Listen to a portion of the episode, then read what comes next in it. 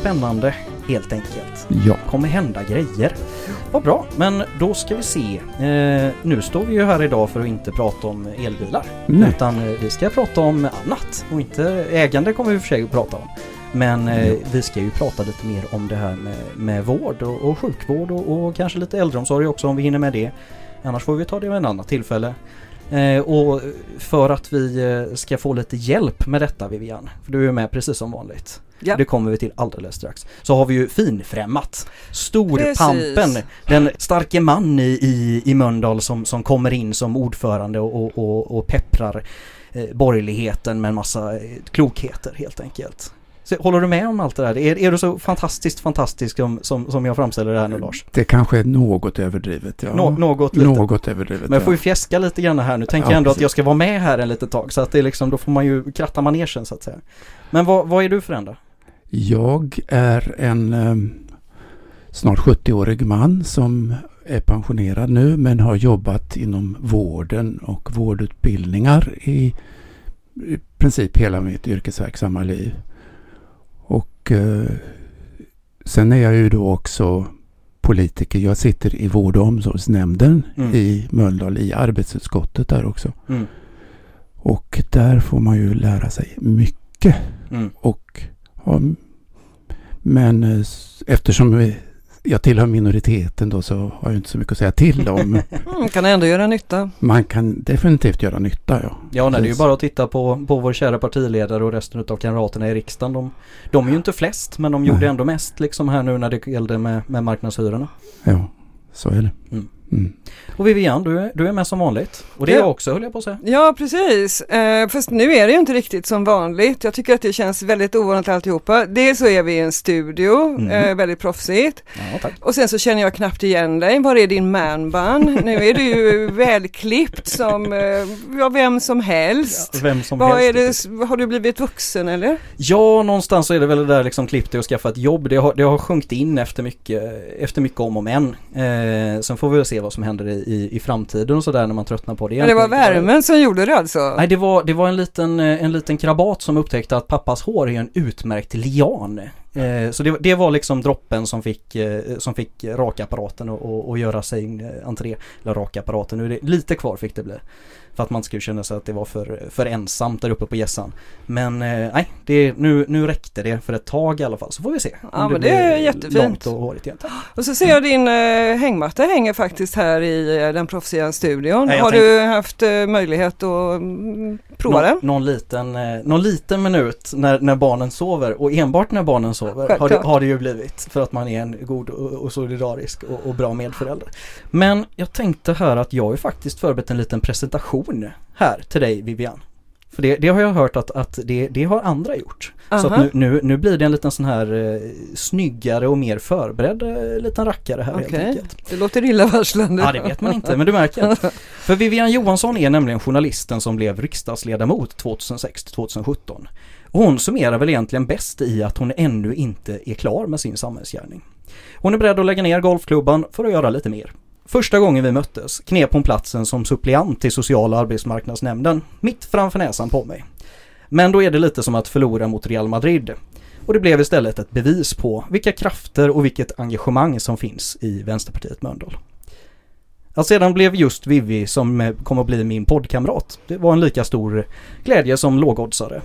För att avsluta på amerikanskt manér. Hon nöjer sig inte. Hon accepterar inte orättvisor. Hon är inte klar. Okej, jaha, är det en del av mig det förstås? Ja, nej men jag känner mig ju inte klar eh, på något sätt. Men jag kände mig väldigt klar med riksdagsuppdraget Mm. efter 11 år.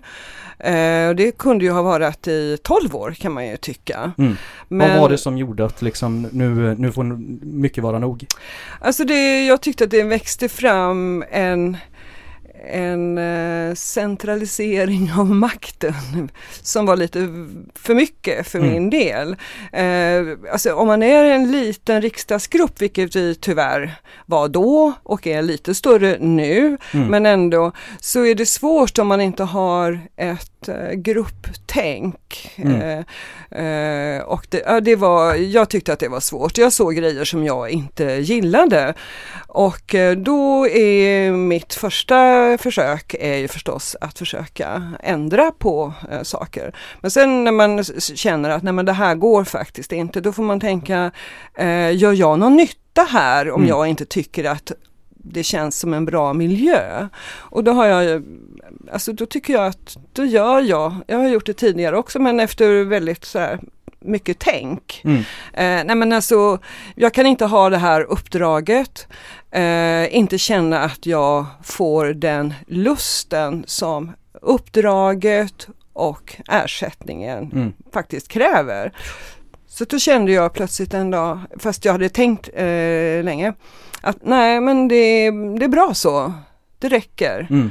Uh, man måste inte, det finns bra ersättare som kan, eh, mm. som kan gå in det sista året. Absolut. Sen finns det ju alltid andra sätt man kan bidra och skapa på också. Absolut. Det är lite kul att du, att du säger det just på det sättet du säger det på. För jag, jag satt med en utan att, att, gå ut med vem det är. För eh, det får man inte göra när man inte har, har frågat om tillstånd tycker jag. Eh, så satt jag med en partikamrat till oss som också satt i riksdagen samtidigt som dig igår. Och han uttryckte i stort sett med samma ord exakt samma företeelse. Mm.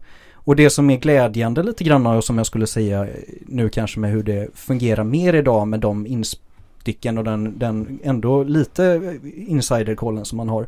Så känns det inte fullt som att det fungerar riktigt på det sättet längre. Nej. Jag vet inte, håller ni med om det? Uh, alltså det lilla, alltså den insight som jag har uh, av hur det går till idag så tycker jag att det känns som att det har blivit annorlunda, uh, lite öppnare. Man förstår att en del av de saker som jag tyckte mindre bra om har man börjat åtgärda. Sånt har, alltså, det, alltså det är en delvis ny ledning också, inte mm. helt är det ju inte. Men jag menar, det har ju blivit, eh, Nooshi var inte eh, partiledare då till exempel, Nej. även om jag trodde nog att hon skulle bli det och är mm. jätteglad för det. Eh, så, så jag, jag, tror att man har sett att det kanske inte var det optimala. Sen finns det alltid några, alltså det finns ju en partiledning och den måste ju vara, få vara partiledning. Men man får inte reducera andra till att vara ingenting. Nej, verkligen. Det, det tror inte jag. Och jo, men jag vet ju vem du pratar om och jag, jag, vi upplevde nog saken väldigt lika faktiskt. Mm. Ja, jag tror, han uttryckte det som att ni stod på samma barrikader. Absolut. Så det, det, det, känns som att det var. Hur, hur är din bild Lars? Tycker ja. du att Vänsterpartiet har förändrats de senaste åren? Eh, ja, det har den ju. Framförallt så om man tar ett längre perspektiv så har det ju verkligen förbättrats. Eh, och jag har ju inte så bra koll på, på just riksdagsarbetet och mm. det. Men eh, jag, har, jag har nog samma intryck som, mm. som Vivian. Ja, men precis. Sen så är det ju också en öv utmärkt överbollning till, eh, nu, nu kommer radioinspirationen fram inom mig. För att nu har vi en jättefin bollning hur det stora påverkar det lilla. För det är nämligen det vi ska prata lite mer om idag. Hur, hur sjukvårdsfrågor, hur, hur vårdfrågor som hanteras på riksplan, som hanteras på regionala plan, slutligen har en påverkan på kommunen. För visst ska vi prata om Mölndal idag som vi alltid gör, men vi ska prata hur de stora besluten påverkar oss här nere eh, på plattan i mattan i verkligheten liksom. Mm. Ja, nej men det, det, finns ju och det, där är det ju en hel del om vi nu ska återvända till hur, hur riksplanet påverkar liksom det lokala med att, att ideologiskt baserade beslut och, och en drivkraft för kanske en, en, en ganska liten del av samhället har fått sätta väldigt stor prägel på, på hur vården ser ut och fungerar idag. Inte minst så är ju Nya Karolinska är ju alltid det exemplet som vi på vänsterkanten pekar på och ser hur illa det är liksom. Men där är ju verkligen ett, ex exceptionellt exempel på vad som händer när man blandar in eh, privata intressen i, eh, i liksom de här eh, frågorna helt enkelt i vården.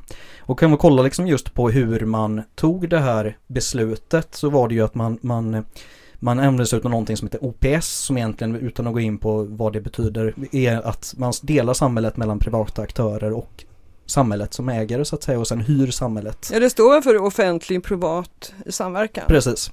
Ehm, och där handlar det helt enkelt om att man, man hyr utav de privata aktörerna för en årlig kostnad och så ska det bli himla mycket billigare och sånt. Problemet är bara att det här är ett koncept som man tog från Storbritannien där man haft det ganska länge och där det aldrig har blivit billigare. Istället så leder det till 70% dyrare sjukhus om man kollar liksom ett överslag. Så det här visste man ju om när Stockholm fattade det här beslutet på regional nivå.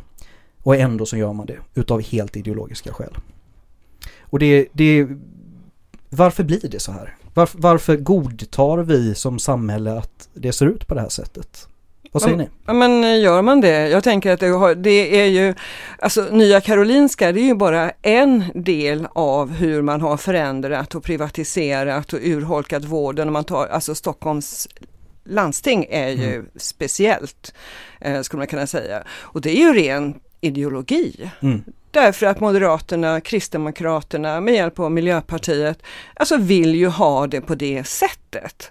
Eh, och det är klart att det finns ju i resten av Sverige också, fast i en helt annan och mindre skala. Men det är klart att det, det är ju inte för att man tror att det är jag tror inte att man tror att det är bra, utan allt som är privat är alltid bättre än det som vi äger och driver, förvaltar gemensamt. Mm. Så är ju den moderata och kristdemokratiska logiken. Med, ja, Liberalerna är ja, Den borgerliga logiken kan man väl egentligen ja, det, säga, liksom precis. den liberalkonservativa. Ja, om man ska jo, men om man nu ska nämna dem vid namn, mm. vilket jag tycker man ska Nej, göra det, det, också. Det gör du helt rätt Så. Håller du med Lars? Ja, det här är ju en så väldigt tydlig höger-vänster-fråga. Mm. Helt enkelt. Det finns ju de som menar att höger-vänster är inte aktuellt längre utan det finns massa andra sätt. Men här är ju så kristallklart höger mot vänster. Mm.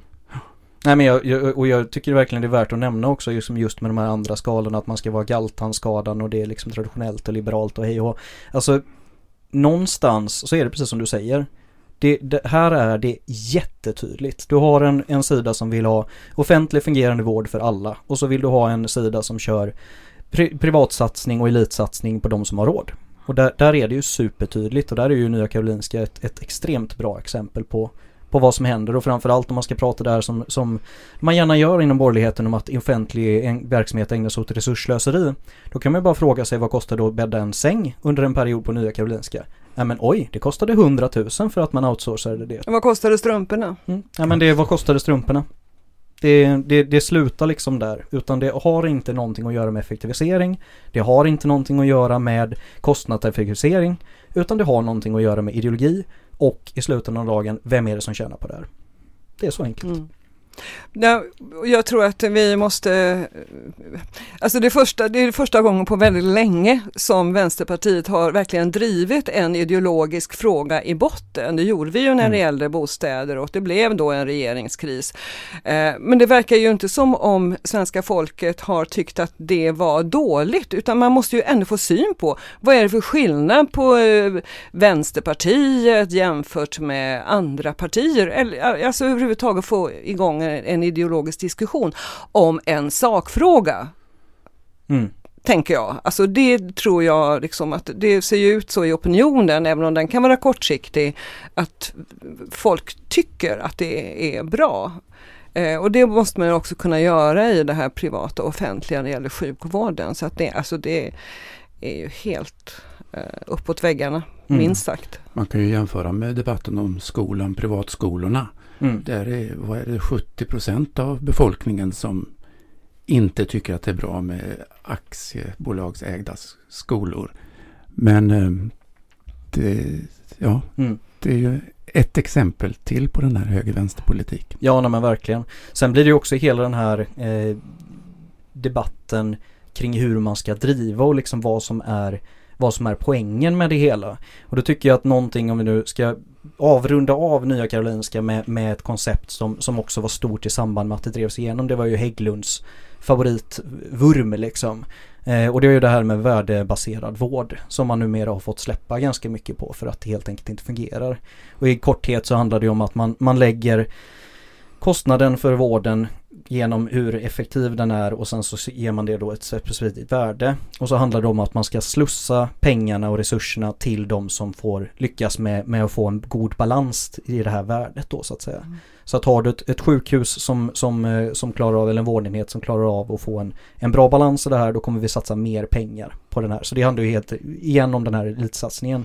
Problemet med det är ju bara att har du en vårdenhet som har väldigt kostsamma kunder som det blir i den här sjuka världen. Alltså väldigt kostsamma patienter helt enkelt. Cancerpatienter som kräver mycket dyr utrustning, långtidspatienter. Då, är, då får du ett dåligt värde. Ergo du får mindre pengar. än om du är en rehabiliteringscenter för kontorspersonal som har väldigt lindriga syndrom som går över ganska fort. Men då får de ett jättehögt värde på hela den här skalan. Så att det blir ju verkligen, det är ju det ultimata uttrycket för när man slussar det, det, är ju det omvända, den här gamla klassiska från var och en efter förmåga efter, åt var och en efter behov. Vi vänder ju helt enkelt mm. på den. Franska ja, revolutionen är ju släppt. Ja men det är väl jättebra om det alltså har den, det sättet att mäta om man gör bilar eller någonting annat stendött. Mm. Men ska man eh, jobba med sjuka människor så, så vet vi ju alla att den ene behöver mer än den andra just nu. Alltså det, det fungerar ju inte. Och det var likadant eh, borgarnas recept för att få bort köerna i sjukvården. Det var en sjukvårdsmiljö miljard. Mm. Eh, och det fick ju de eh, del av som kunde korta kö. Det vill säga man tog in fler, alltså nya patienter. Man fick mer betalt på vårdcentralerna nuvarande närhälsan för nya patienter. Och det, då, då tog man ju in nya mm. engångspatienter så att säga. Men kronikerna, de som hade diabetes, hjärt-kärlsjukdomar som skulle komma på andra besök. Alltså de fick vänta väldigt mycket längre, de blev liksom bortglömda. Så därför var vi alltid motståndare till den miljarden, för det, det fungerar inte riktigt så. Alltså man kan inte, det ser bara bra ut på pappret. Mm. Verkligen. Vad har det här synsättet så att säga, att man vill, man vill vurma för, för de privata aktörerna, man vill liksom få igång en, en mer individbaserad som de kallar det för vård och, och, och ett åtagande liksom där man kan, vi ska prata om privata sjukförsäkringar och sånt senare, men vad har det här fått för, alla de här stora besluten Lars, vad, vad har de fått för, för konsekvens i Mölndal? Stor, fråga, men skjut, ja. skjut från höften. Ja, just det. Eh, ja, det är ju inte privatvården så väldigt väl utvecklad i Mölndal. Då. Det är några vårdcentraler bara. Men, men eh, man brukar säga att idealpatienten är ju den som är rik och frisk. Mm.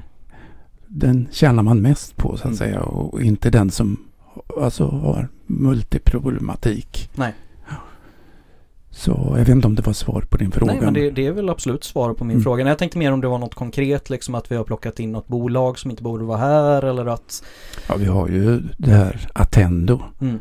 Den, de har ju tagit över vårat, eller ska ta över vårat största äldreboende nu då. Och vi har ju kämpat mot detta då. Vi har skrivit insändare och bråkat och sådär. Men nej då, det ska tas in och de har ju lagt ett ett skambud på det sättet att de har lagt sig så lågt alltså att eh, de fick det. Mm.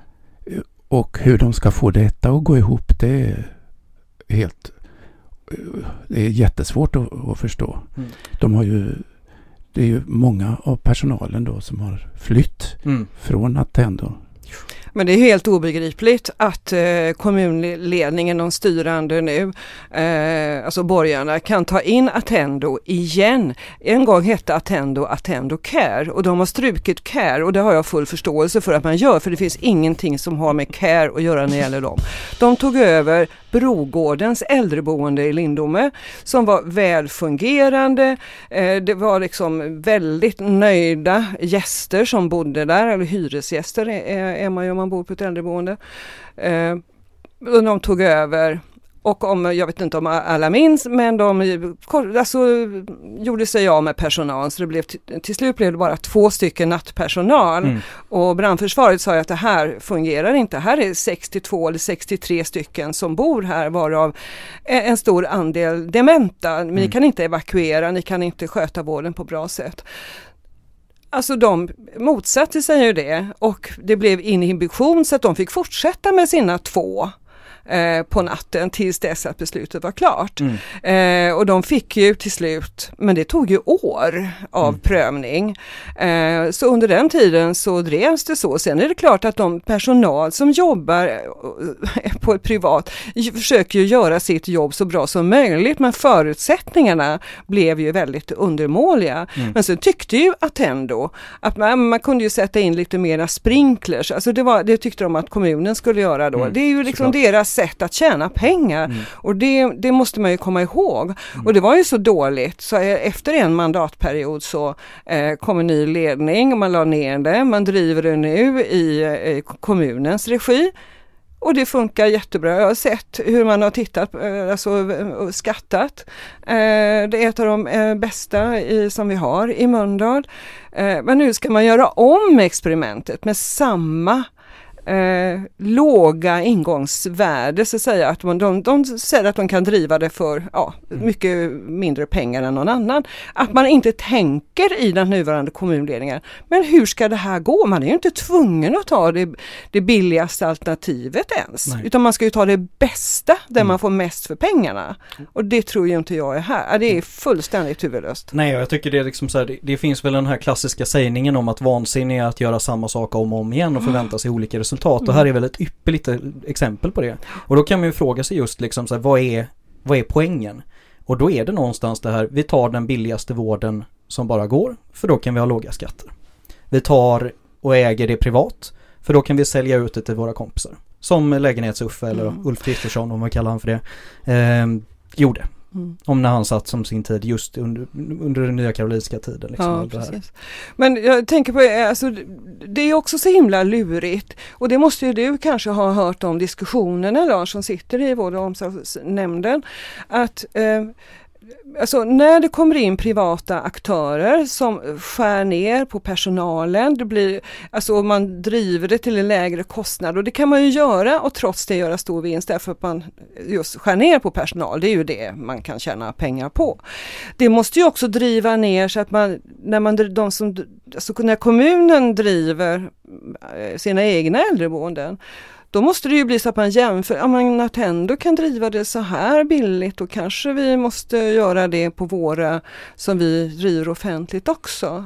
Förs den diskussionen öppet har jag hört det, för det, det är ju så det fungerar. Ja, eh, jag har ju försökt föra den diskussionen. Eh, någonting som de sparar mycket pengar på det är ju så kallad hyvling. Alltså personerna blir anställda på typ 90 procent. Mm. Och eh, i verkligheten så gör de precis samma jobb då med 90 procent av sin lön. Mm. Tyvärr så har ju kommunen tagit efter just det. Så att även inom kommunen använder man den metoden.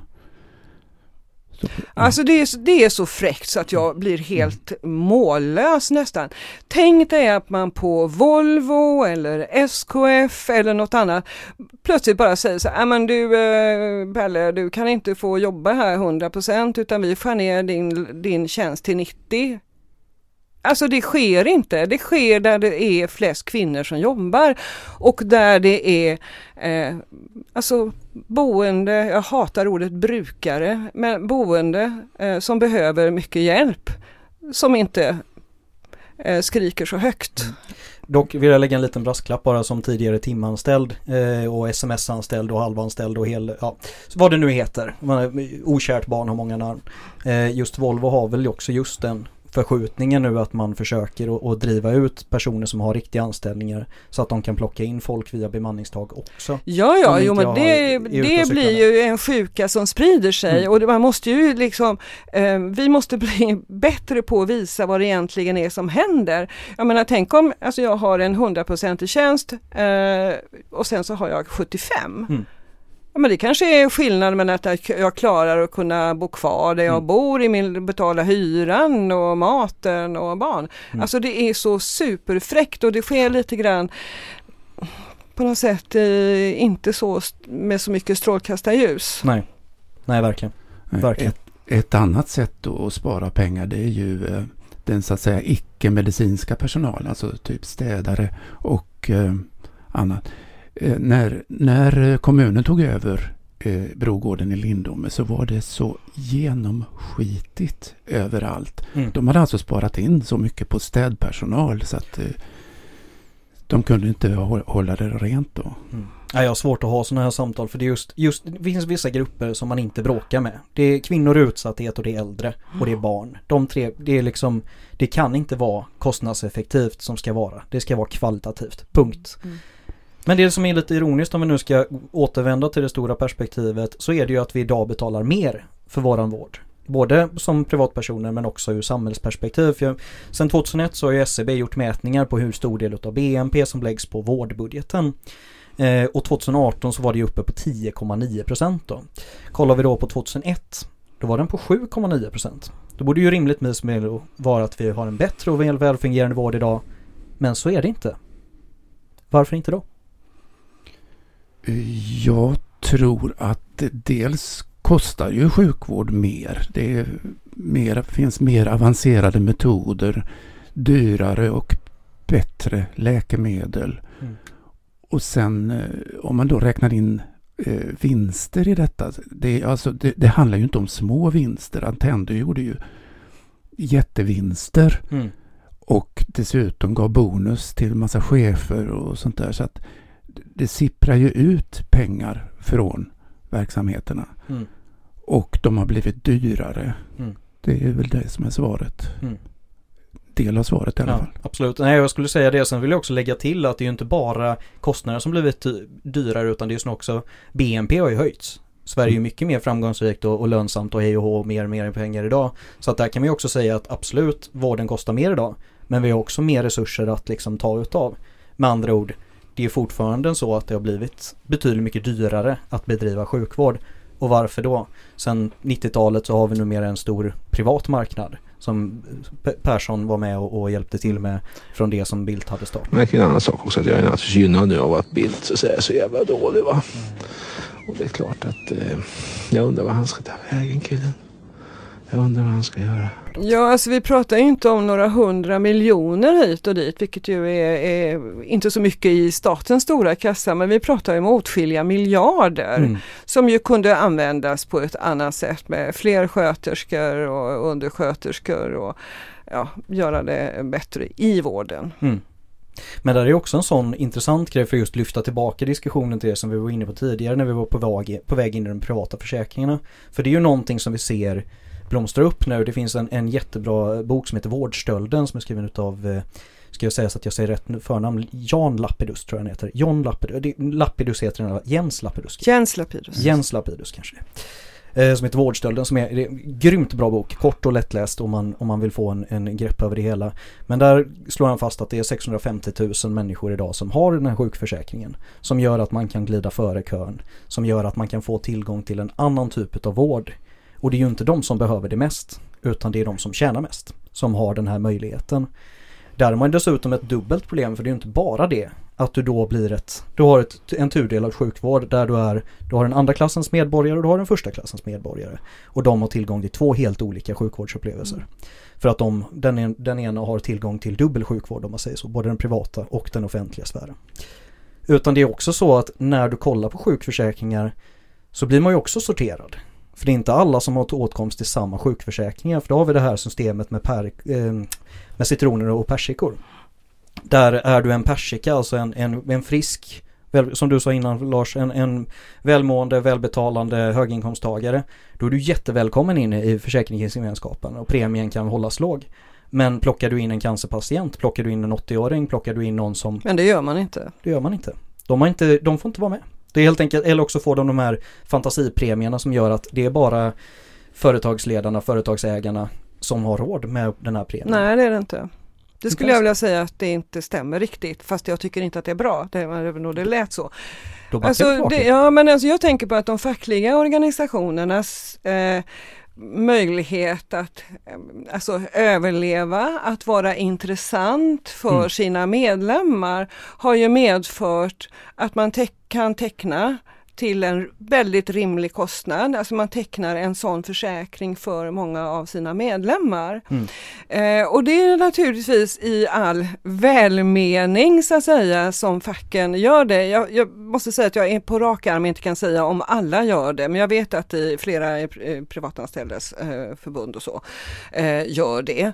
Eh, därför att och alltså, det är bra att man vill måna om sina medlemmar men vill också göra det intressant och bra att vara med. Så mm. försäkringsdelen, alltså det, det, ni vet ju sedan länge har man ju kunnat få billigare hemförsäkring och sådana saker om man är med i ett fack. Och nu gäller det även privata eh, sjukförsäkringar. Och det här är ju Alltså det är ju ytterligare ett steg hur vi då urholkar den solidariskt finansierade sjukvården. Alltså det blir ju allt, det, jag tycker att det känns så infamt. Fast jag mm. menar, jag tror ju inte att facken tänker så, men man ser, för då blir det ju allt mer, så att säga, vanliga löntagare som också får en gräddfil in. Och så börjar man ju mer och mer tänka så här, ja men alltså herregud ska de höja skatten nu igen? Jag betalar ju redan via mitt fack Mm. för att få liksom när min eh, hand, liksom. eh, jag behöver liksom operera den eller min, mitt knä eller någonting sånt där. Absolut. Jag ska, jag ska gå tillbaka och rätta Så att det är i lite, Så att- det, det är lite lur, den är väldigt lurig och Mm. vi har ju inte olika åsikter om att det inte är bra. Nej. Det, Nej men jag, jag vill bara rätta upp mig lite grann för att få en, en viss mån av upplevelse. Jag är helt med dig på att det, det är inte, jag menar inte att det är bara den rikaste Nej. procenten som har de här sjukförsäkringarna.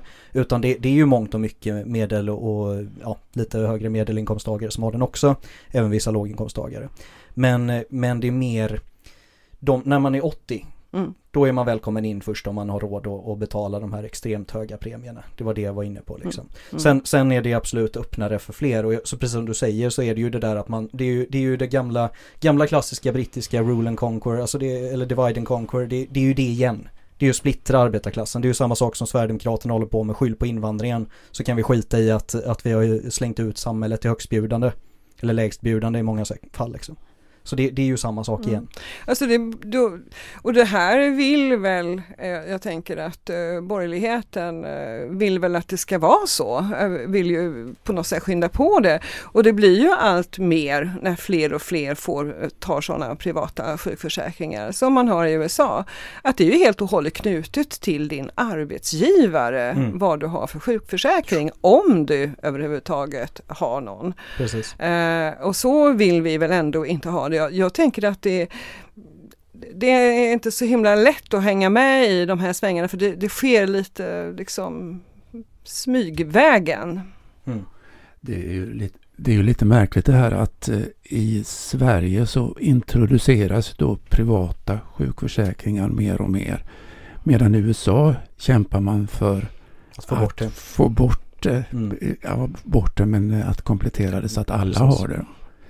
Går åt två olika håll. Mm. Och det har ju inte varit enkelt. Nej, verkligen inte. Nej det är ju det där när du har ett system som ligger i, ligger i fas och det är folk som har bytt landsända för att för, för sjukvårdsförsäkringen för att det är någon i familjen som har en cancersjukdom eller Det är klart man är orolig och man är ju inte beredd att, att filura med, med familjens hälsa och när det någonstans står i slutändan även om du vill ha en sjukvård för alla så måste du välja mellan att antingen så kan jag garantera sjukvården för min familj eller också kan jag eventuellt då hitta en lösning som alla kan få vara med på.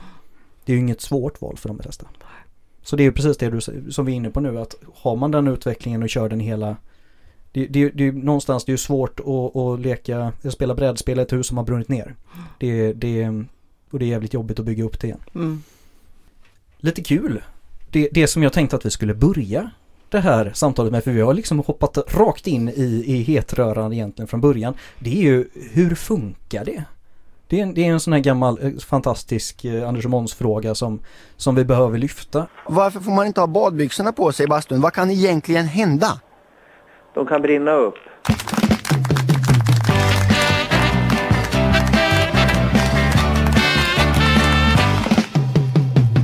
Så funkar det. Alltså hur, hur fungerar de facto vård i Sverige? Vilka instanser finns? Hur, vil, hur verkar de? Vad verkar de och vem verkar de för? Lars, nu, nu har du eh, laddat här hela dagen. Ja, eh, sjukvården bedrivs ju av dels av regionerna men också av kommunerna då. Och eh, någonting som har pratats väldigt mycket om på sista tiden det är ju hur de så att säga agerar gentemot varandra. Och där, där har jag ju exempel på hur, hur, hur det inte fungerar. Vilken, får jag bara fråga, alltså vilken sjukvård driver kommunerna? Just det, det är alltså äldrevård då. Men just det, det var det jag skulle säga också att äldrevården är ju mer och mer sjukvård. Mm. Alltså patienterna inom äldrevården är, blir sjukare och sjukare för att regionerna är väldigt aktiva på att eh, skicka hem eller skicka ut sina färdigbehandlade patienter. Mm. De som är färdigbehandlade är mer sjuka än vad de var tidigare. Mm. Så att eh, äldreboenden har blivit eh, någon slags sjukhus istället då. Mm. anledningen är ju naturligtvis att det är mycket billigare att vårda någon på ett äldreboende än inom regionvården. Då, så att Mm. säga. Jag kan ta bara ett litet exempel som Mm. i, i eh, Mölndal så hade man ett, någonting som heter ASIH. Eh, Avancerad sjukvård Avans- i hemmet. Tack. Avancerad sjukvård i hemmet, ja. Och eh, den, den fixade man till för fem år sedan. Och den gick ju helt enkelt ut på att man skulle kunna ha eh, palliativ vård, alltså vård i livets slutskede, hemma hos Mm. folk istället. Och eh, det skulle kommunen då betala för att man slapp skicka patienter till hospice Mm. som kostar väldigt mycket. Men då sa reg- regionen skulle ställa upp med läkartjänster där då. Mm. Men då sa regionen att ja men har ni så här fin vård då kan vi skicka Ja. dit väldigt sjuka patienter som Mm. i och för sig inte eh, är i livets slutskede utan de är avancerat sjuka så att säga. Mm. Vilket gjorde att eh, kostnaderna ökade till ja, 5-6 miljoner Mm. om året För Mölndal. för Mölndal. Ja. Och då är det ju en kostnad som kommunen går in och tar ska vi det också. Ska, ja, tänkt, Mm. var det tänkt då va. Mm. Men eh, kommunen ansåg sig inte ha råd med detta utan eh, bad, eh, bad regionen att betala i alla fall hälften. Mm. Men då sa regionen, nej så mycket kan vi inte betala. En miljon kanske vi betalar då. Så att eh, slut, slutet blev ju att ASIH i Mölndal lades ner. Mm.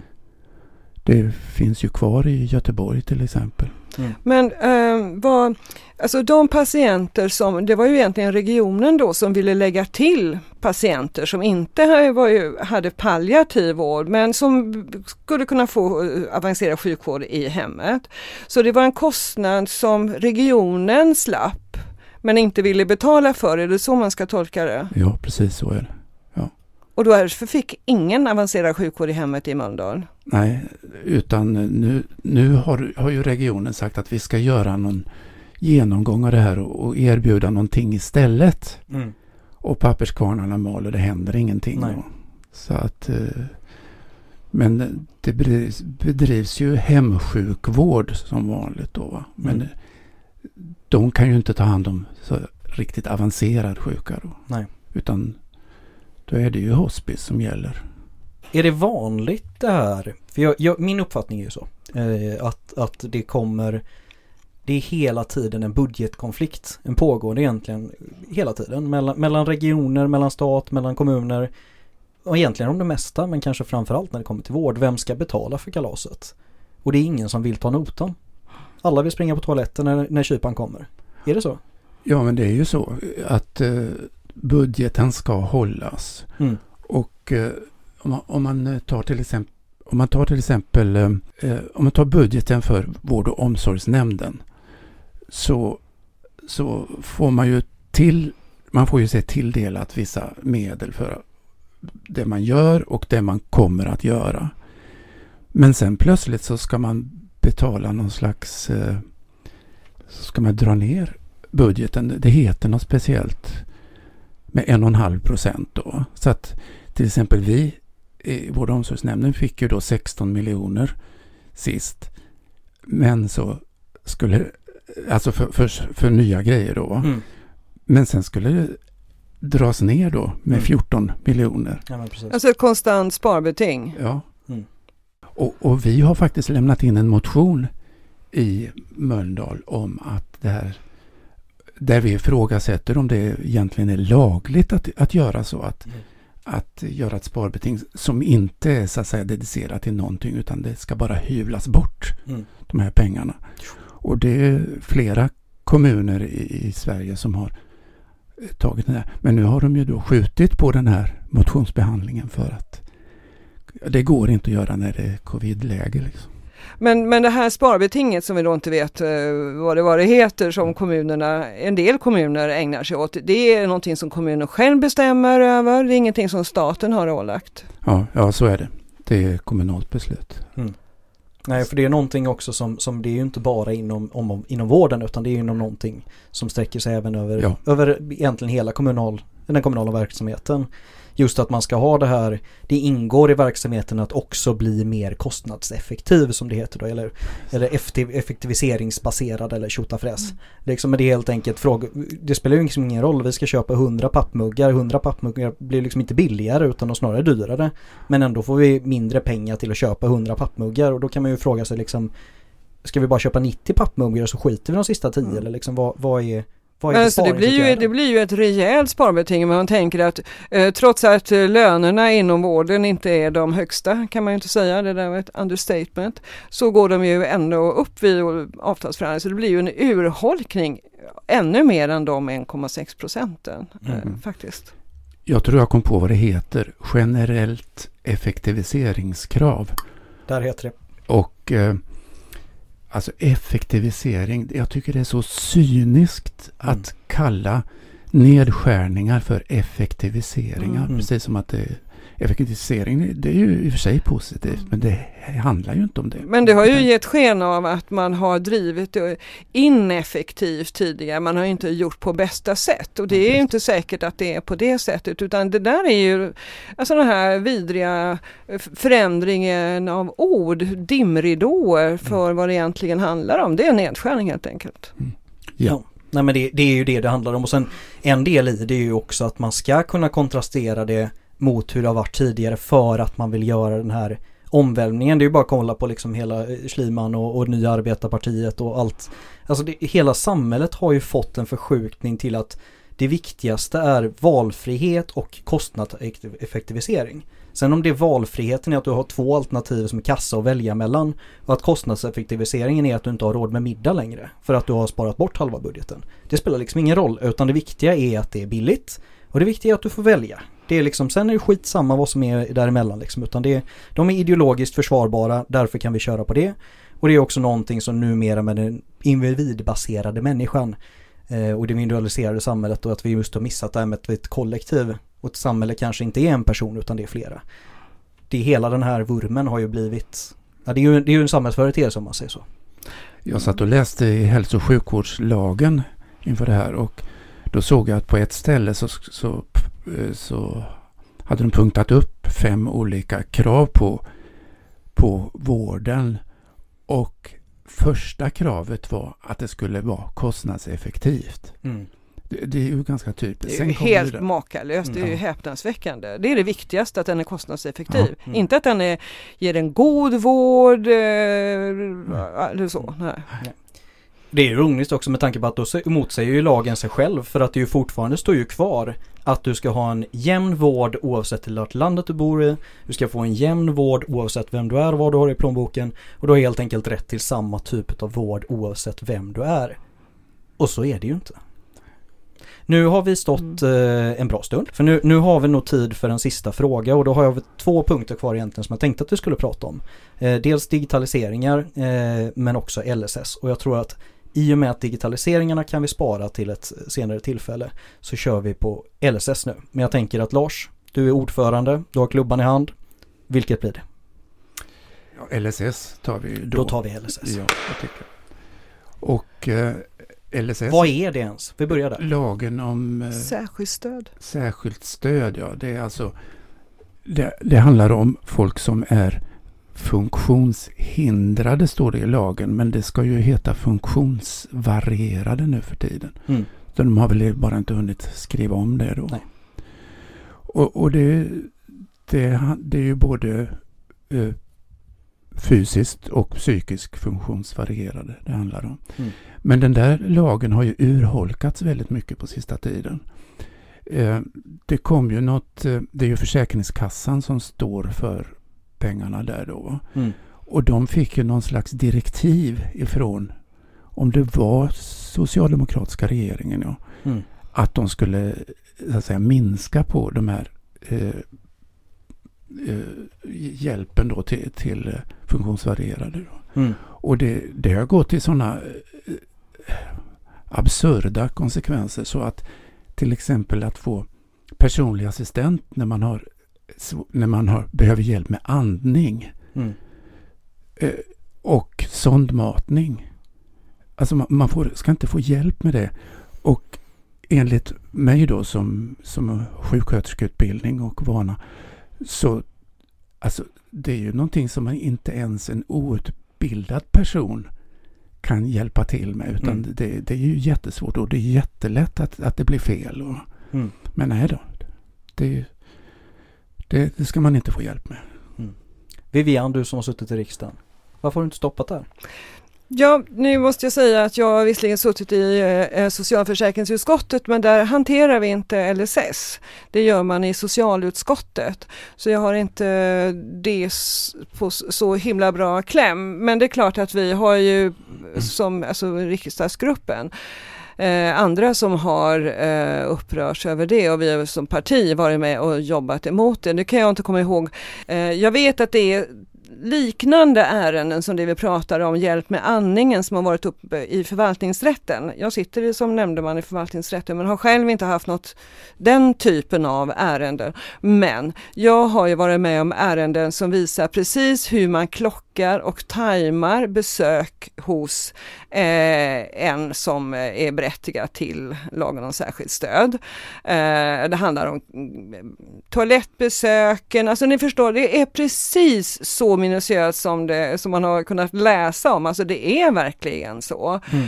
Och om, du, och om det, man inte får ihop x antal timmar då är det kommunen som betalar. Är det över det så alltså då, då kan det ju bli hemtjänst.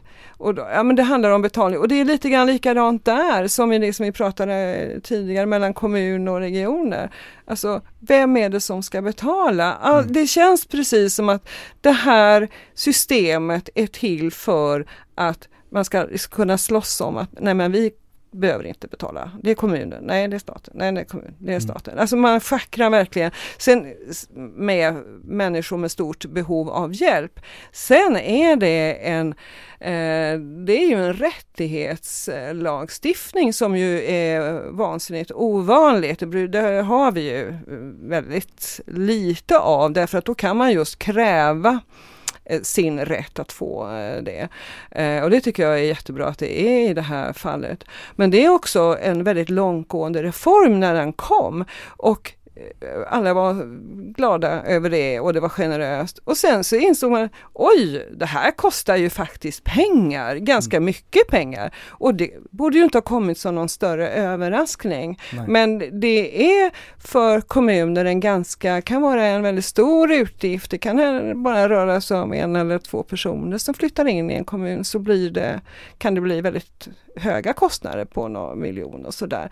Men alltså det måste man, man kan inte hålla på och träta om de här kostnaderna. Jag tycker man måste lösa det för att annars så blir det ju Alltså det blir ju då att de som behöver lagen om särskilt stöd blir ju som ses som en belastning om den kommer i, flyttar in i kommunen. Alltså vi måste komma bort ifrån det här alltså vi, att vi tittar på varje person. Det, det gör man ju men det måste ju finnas mer, alltså lite rimligare regler så att man Mm. inte kastar den här räkningen eh, mellan sig. Mm. Eh, ja, man kan ju säkert dela på det på ett annat sätt. Vi har ju pratat i, i nämnden då om eh, vilka som ska få biståndsbeslut. Och eh, då är det ju så att till exempel bostad med särskild service är eh, en bristvara i, i Mölndals kommun. Och då har tanken eh, kommit fram att nej, eftersom vi inte har bostäder så ska vi inte ge de biståndsbesluten och, och det är fullständigt förbjudet. Att vi kan inte ge till exempel en, en person som behöver bostad med särskild service det för att det finns inga lägenheter. Men så, så det har inte gått igenom men det har diskuterats. Men att det, att det överhuvudtaget kommer upp på agendan. Ja. En person som behöver och har rätt till lagen om särskilt stöd Ja. kan inte ges det för vi har inte en bostad där vi kan ge den. Alltså man får väl ändå se till det Ja, då. nej, det, det har ju alltså bara diskuterats lite löst där och det har ju konstaterats efter diskussionen att så kan man inte göra. Men, men det är ju ett varningstecken på att man går in och, och, och gör så här då. Och istället då så får ju kommunen betala eh, böter till IVO då, eller vite till IVO för att de inte kan ställa upp med det. Och den som behöver sitt stöd, vad händer med den? Ja, det är en bra fråga. Mm.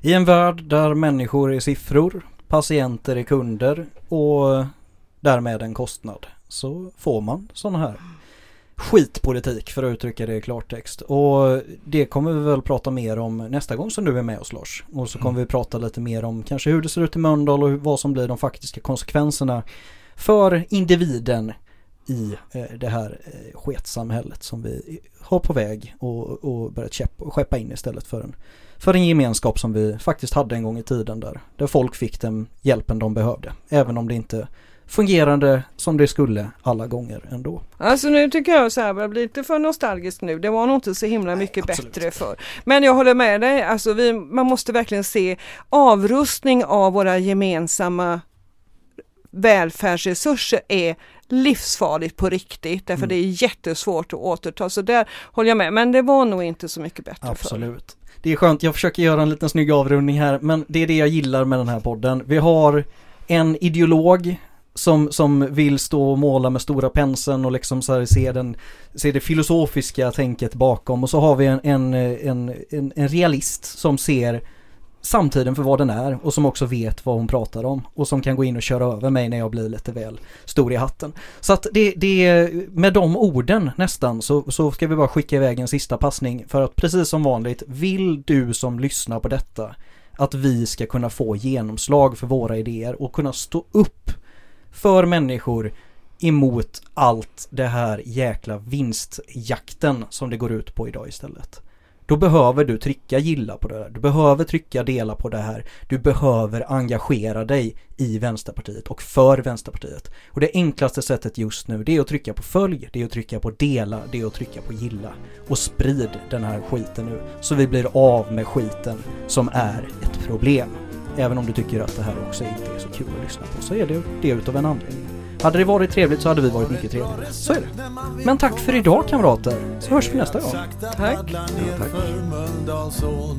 Röja lite lyssnande till vattnets under Produceras av Hakuna Matata Produktion.